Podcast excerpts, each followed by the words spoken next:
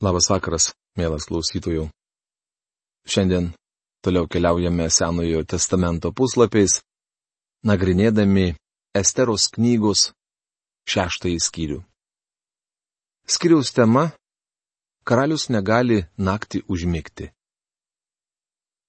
Ta naktį karalius, negalėdamas užmigti, paprašė atnešti atmintinų įvykių metraščių knygą Ji buvo skaitoma karaliui. Esteros knygos šeštos skyriaus pirmą eilutę. Tai, jo karalius naktį negalėjo užmėgti, atrodytų labai nereikšminga. Tačiau Dievas panaudoja ir smulkmenas. Aš manau, jog karalius nemiegojo daug naktų. Šekspyras yra pasakęs. Karūna nešiojanti galva sunki. Esu tikras, jog buvo naktų, kai karalius jautė, kad jo gyvybė pavojuje. Tačiau ši bemiegė karaliaus naktis imperijos istorijoje buvo pati ryškiausia. Čia, Esteros knygoje, įvyksta esminis lūžis. Ar pastebėjote, jog tam, kad įgyvendintų savo programą, Dievas naudoja smulkmenas? Prieš daugelį metų Egipte Dievas suvedė draugien moters širdį ir kūdikio verksmą, kai faraono dukra Nilo upėje surado mažą į mozę. Taip jis pakeitė tautos likimą. Sūzų pilyje įvyko tariamai nesvarbus dalykas. Karalius negalėjo užmigti, todėl įsakė tarnams atnešti neįdomius karalystės įvykių metraščius. Jie buvo skaitomi karaliui. Turbūt šių metraščių skaitimas padėdavo karaliui užmigti. Tai buvo tarsi mygdomosios piliulės.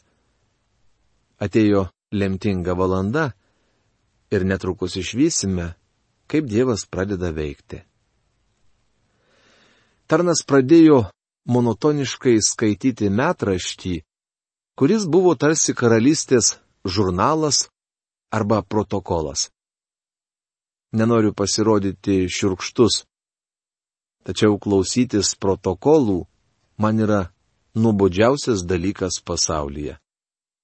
Ar kada esate klausęsi kokio nors įdomaus protokolo? Man tokio neteko girdėti. Esu buvęs įvairiausių tarybų narių, tačiau palikau jas nes man nepatinka klausytis protokolų. Jie nubodus. Tomis naktimis, kai negalėdavo užmigti, karalius sakydavo, atneškite protokolus. Dar kartą juos perskaitysime. Netrukus karalius užmigdavo. Šią naktį tarnai atsivertė tam tikrą protokolų vietą. Ar aš pasakiau, jog netyčia atsiverti?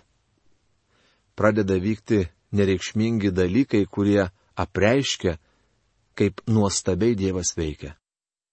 Jis perima vadovavimą. Estera neatsitiktinai tapo karalienė. Neatsitiktinai jie atėjo pas karalių ir rado malonę jo akise. Neatsitiktinai ir karalius priėmė jos kvietimą į puotą. Dabar karalius negali užmigti ir neatsitiktinai tarnas pradeda skaityti tam tikrą protokolo vietą.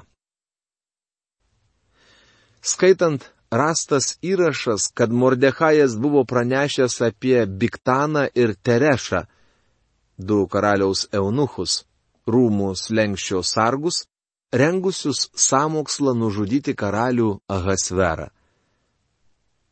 Kokia garbė ar paaukštinimas už tai buvo suteikta Mordechajui?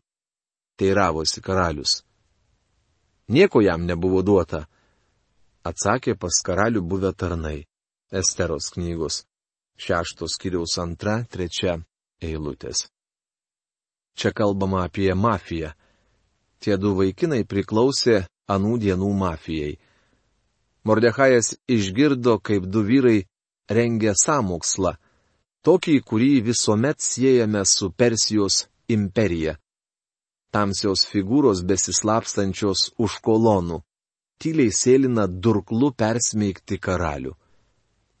Tai, ką nugirdo, Mordechajas perdavė karalieniai Esterai. O šie apie tai pranešė karaliui. Įvykis buvo užrašytas karalystės metraščiuose. Kai dvaro rūmų valdytojas perskaitė šiuos žodžius, karalius taiga sukruto. Jis pakilo iš lovos ir paklausė, beje, ar tu neperskaitei, ar aš praleidau, kaip Mordechajui buvo atlyginta. Valdytojas pažvelgė į knygą, perskaitė dar keletą protokolo įrašų ir atsakė, nieko jam nebuvo duota. Karalius tarė, žmogui, kuris išgelbėjo man gyvybę, turi būti atlyginta. Tuo metu kažkas pabeldė į laukujas duris. Kas kieme? paklausė karalius. Hamanas buvo ką tik įėjęs į karaliaus rūmų prieškėmi, pakišti karaliui minties, kad Mordechajas būtų pakartas kartuvėse, kurias jis buvo parengęs. Karaliaus tarnai atsakė, Hamanas laukia kieme. Tegu įeina, tarė karalius. Hamanui įėjus karalius jį prakalbino. Ką reikėtų padaryti žmogui, kurį karalius nori ypatingai pagerbti? Hamanas pagalvojo, ką kitą karalius norėtų labiau pagerbti, jeigu ne mane. Esteros knygos šeštos skyrius ketvirta šešta eilutės. Kaip tik tą akimirką, kai karalius sužinojo, jog Mordechajas nieko negavo už jo gyvybės išgelbėjimą, į karaliaus rūmų prieškėmi atėjo Hamanas. Karalius paklausė, kas kieme. Tai buvo Hamanas. Jis taip pat ne per geriausiai miegojo. Hamanas atėjo į karaliaus rūmus, kad gautų leidimą pakarti Mordechają kartuvėse, kurias jam buvo pastatęs. Matyt, Hamanas turėjo privilegija bet kada pasirodyti karaliaus akivaizdoje. Kai Hamanas įėjo, karalius jį užkalbino, nieko nepasakodamas. Hamanas atėjo prašyti Mordechajo gyvybės kaip tik tą akimirką, kai karalius pasiryžo jį apdovanoti. Šios aplinkybės apreiškia Dievo apvaizdą. Dievas sergsti savuosius. Nors šie žmonės ir ne Dievo valioje, toli nuo žemės, kurią Dievas paskiria jiem gyventi, visagalis vis vien juos veda. Toks apvaizdos veikimas negalėjo būti atsitiktinis. Atėjusi Hamaną karalius pasveikina klausimu. Ką reikėtų padaryti žmogui, kurį karalius nori ypatingai pagerbti? Hamanas pamanė, jo karalius kalba apie jį, juk galų gale jis paaukštintas į ministro pirmininko postą. Jam buvo duotas karaliaus žiedas. Tiesa, jis sumokėjo tam tikrą pinigų sumą, tačiau už tai gavo leidimą išnaikinti visus žydus. Hamano įsitikinimu, karalystėje nebuvo kito žmogaus, kurį karalius trokštų pagerbti. Tačiau karalius galvojo apie Mordechają. Tad jis karaliui taip atsakė. Žmogui, kurį karalius nori pagerbti, turėtų būti atneštas karališkas apdaras, kurį yra vilkėjęs karalius, ir atvestas žirgas, ant kurio karalius yra jojas, ir ant kurio galvos uždėtas karališkas vainikas. Apdaras ir žirgas turėtų būti pavesti vienam kilmingiausių karaliaus pareigūnų. Te prengia į žmogų, kurį karalius nori ypatingai pagerbti, ir užsodinės ant žirgo te veda tą žmogų per miesto aikštę, o jo priekyje eidamas tegul skelbia. Taip daroma žmogui, kurį karalius nori ypatingai pagerbti. Esteros knygos 6 skyriaus 7-9 eilutės. Hamano atsakymas atskleidžia jo tikrąjį veidą. Esu įsitikinęs, jog suprantate, kas dedasi jo širdyje. Hamanas trokšta sosto. Sulaukęs tinkamo meto jis ketino pašalinti karalių. Tokia jau yra Persijos monarchų istorija. Ilgai įsilaikyti sostę būdavo nelengva. Netgi Izraelio istorijoje, kurie aprašyta pirmoje ir antroje karalių knygose, kai kurie karaliai taip trumpai valdė, kad jei tai nebūtų tragiška istorija, būtų tiesiog juokinga. Kai kuriems valdyti pavyko vos porą mėnesių. Kai karalius atsisėdęs į sostą apsidarydavo aplink, jis nežinojo, kas jo draugai, o kas priešai. Jis negalėjo net įsivaizduoti, nes puikiai suvokė, jog bet kuris paaukštintas pavaldinys mėgins jį nužudyti, kad pats taptų karaliumi. Akivaizdu, jog tokie ketinimai slypėjo ir Hamano širdyje. Hamanas svarstė, kągi karalius norėtų ypatingai pagerbti, jei ne mane. Leiskite man apsirengti karaliaus drabužiais, uždėkite man ant galvos karūną, leiskite joti karaliaus žirgu ir tegul šauklys praneša, kai aš josiu gatvėmis. Ką Hamanas daro?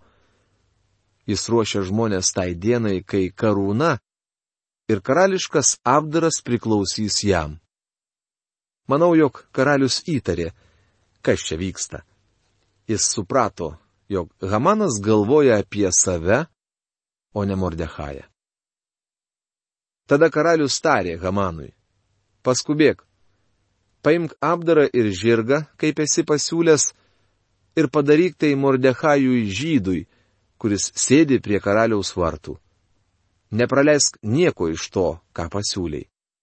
Esteros knygos šeštos skyriaus dešimta eilutė.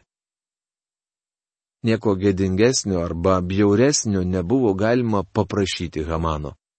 Jis turėjo aprengti Mordechają karališkų apdarų, pasodinti jį ant karaliaus žirgo ir vesti per miestą skelbdamas, kad šį žmogų karalius nori ypatingai pagerbti.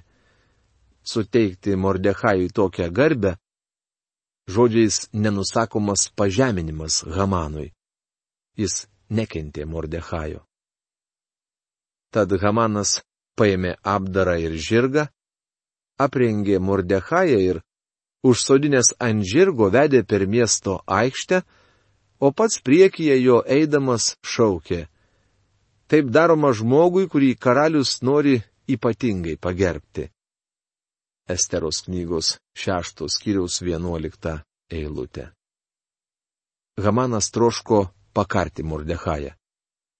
Ar galite įsivaizduoti, ką jautė Hamanas, per miestą vesdamas žirgą, ant kurio sėdėjo Mordechajas, žmogus, kuris prieš jį nesilenkė. Ta akimirka Hamanas išgyveno tokį pažeminimą, kurio žodžiais neįmanoma nusakyti. Namuose Mordechajui jis buvo paruošęs 75 pėdų aukščio kartuves. Po to Mordechajas sugrįžo prie karaliaus vartų, o Hamanas nuskubėjo namo, prislėgtas ir pridengta galva. Kai papasakojo savo žmonai Zerešai ir visiems bičiuliams viską, kas jam buvo nutikę, patarėjai ir žmona Zereša tarė. Jei Mordechajas, dėl kurio tu pradėjai smukti, yra iš žydų palikonių, tai tu jo nenugalėsi. Dėl jo tu tikrai pražūsi. Jiems dar tebesikalbant, atvyko karaliaus eunuchai ir paskubom išvedė jį į puotą, kurią buvo suruošusi Estera. Esteros knygos šeštos skyriaus 12-14 eilutės. Pagaliau išbandymas baigėsi. Mordechajas grįžo prie karaliaus vartų, o Hamanas nuskubėjo namo liūdėdamas pridengtą galvą neįsivaizduojama gėda. Savo žmonai ir draugams jis papasakojo viską, kas nutiko. Zereša buvo miela žmonelė, ar ne? Ji pati pasiūlė pastatyti kartuves, o dabar Hamanui priekaištauja, taip ir sakiau. tu pradedi smukti. Neįtin guodžia, kai žmona ir draugai mano, jog galbūt rytoj išauš paskutinė tavo gyvenimo diena. Įvykiai veja vienas kitą. Hamanas dar nespėjo pareiti namo ir papasakoti žmonai bei patarėjams, kas įvyko, kai pasigirsta beldimas į duris. Karaliaus tarnai liepia Hamanui paskubėti, nes jau prasideda puota, į kurią jis pažadėjo atvykti. Pamenate, kaip jis laukė šios puotos ir gyrėsi, kad jį vienintelį karalienė pakvietė drauge su karaliumi. Įvykiai pakrypsta nepalankę linkme. Hamanas nebegali kontroliuoti aplinkybių. Ar žinote kodėl? Todėl, kad Dievas pasirūpino, jog Hamano samokslas nueitų niekais. Esteros knygos Septintas skyrius. Tema Hamanas atėjo į puotą, bet buvo pakartas. Taigi karalius ir Hamanas nuėjo puotauti su karalienė Estera. Antrą dieną, per puotą geriant vyną, karalius klausė Esterą. Ko tu nori, karalienė Estera? Tai bus tau suteikta, ko prašai? Nors pusė karalystės tai būtų, bus įvykdyta. Esteros knygos septintos kiriaus pirma, antra eilutės. Hamanas nuėjo į puotą, kamuojamos prieštaringų jausmų. Jis susijaudinęs, kad karalienė jį pakvietė, tačiau jaučiasi nenusakomai pažemintas, nes turėjo pagerbti Mordechają. Manau, jog šią akimirką Hamanas dar nesupranta, kodėl buvo pagerbtas ne jis, o Mordechajas. Noriu pasakyti, jog dabar, besibaigiant antrajai puotos dienai, Estera sukaupė visą drąsą, kad galėtų karaliui išsakyti tai, kas jos širdyje. Anksčiau ji negalėjo to padaryti, bet dabar jau pasiruošusi. Karalius dar sėki pakartoja savo uvertiūrą karalieniai. Jis pažada Karalienė Estera, pasakyk, ko prašai, ir tau bus suteikta. Jis dar kartą jai pasiūlo pusę karalystės. Tai jau trečias kartas, kai karalius klausia karalienės, kas jai neduoda ramybės. Atsakydama, karalienė Estera tari. Jeigu susilaukiau tavo malonės karaliau, ir jeigu patinka karaliui, te būna man suteikta mano gyvastis, tai mano noras. Ir gyvastis mano tautos, tai mano prašymas. Mano tauta ir aš esame parduoti, kad būtume sunaikinti, nužudyti ir išnaikinti. Jeigu būtume buvę parduoti kaip vergai ir vergės, aš būčiau tylėjusi. Bet mūsų priešas negalėtų atitaisyti žalos, padarytos karaliui mūsų žūtimi. Esteros knygos septintos kiriaus trečia, ketvirta eilutės. Prabildama, Estera atskleidė baisų dalyką. Apstulbo ir karalius, ir Hamanas, nes nei vienas nežinojo jos tautybės. Ji prašė pasigailėti jos ir jos tautos gyvybės kai Esteros dėdė Mordechajas atvedė ją į grožio konkursą ir kai vėliau jį tapo karalienė, dėdė pamokė, kad Estera niekam neprasitartų, jog yra žydė. Todėl ji niekam apie tai ir neužsiminė. Pamenate, Hamanas išgavo iš karaliaus įsaką, kad visi karalystėje gyvenantys žydai privalo būti sunaikinti. Jis nežinojo, jo karalienė žydų tautybės. Dabar ji susitapatina su savo tauta. Anksčiau Estera buvo taip atitolusi nuo saviškių, jog net nenorėjo, kad kas nors žinotų jos tautybę. Tačiau dabar jai drauge su savo pasmerkta tauta. Anuomet tai reiškia susitapatinimą ir su savo religija, ir su savo dievu. Estera tarė karaliui. Nors karalius ir būtų daug netekęs, aš tylėčiau, jei mano tautą parduotų tik į vergystę.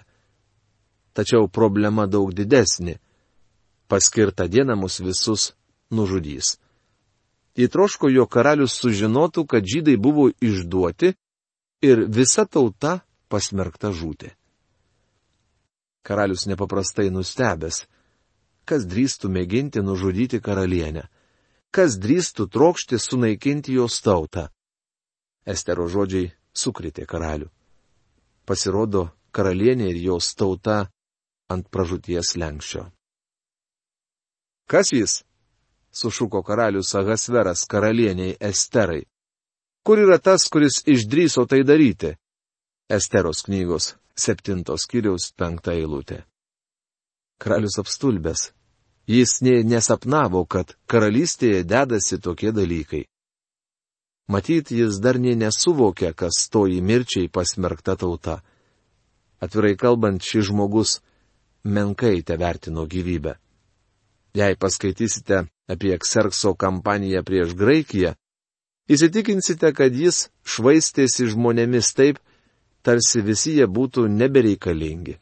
Tame žygyje karalius prarado tūkstančių tūkstančių žmonių, tačiau tai netrupučio jo nejaudino. Tomis dienomis žmogaus gyvybė buvo nieko verta. Dabar karaliui rūpi tik tai, jog tie žmonės Esteros tauta. Jo karalieniai grėsia mirtinas pavojus. Todėl karalius klausia, kas jis? Kur tas, kuris išdryso tai daryti? Aš manau, jog Hamanas vis dar nesuvokia, kas iš tiesų vyksta. Jis nežinojo, jog įsakas sunaikinti Izraelio tautą galios ir karalieniai. Jis nežinojo, kad jį žydė. Jis patogiai sėdi puotoje už stalo. Ministras pirmininkas, kuriuo visiškai pasitikė karalius. Ahasveras paklausė, kas surengė šį samokslą ir Estera sukaupusi visą drąsą atsako karaliui. Jos gyvybė pakimba ant plauko. Tai, kas atsitiko toliau, mes su jumis sužinosime jau kitoje mūsų laidoje. O šiandien laidos laikas baigėsi. Iki malonaus sustikimo. Sudė.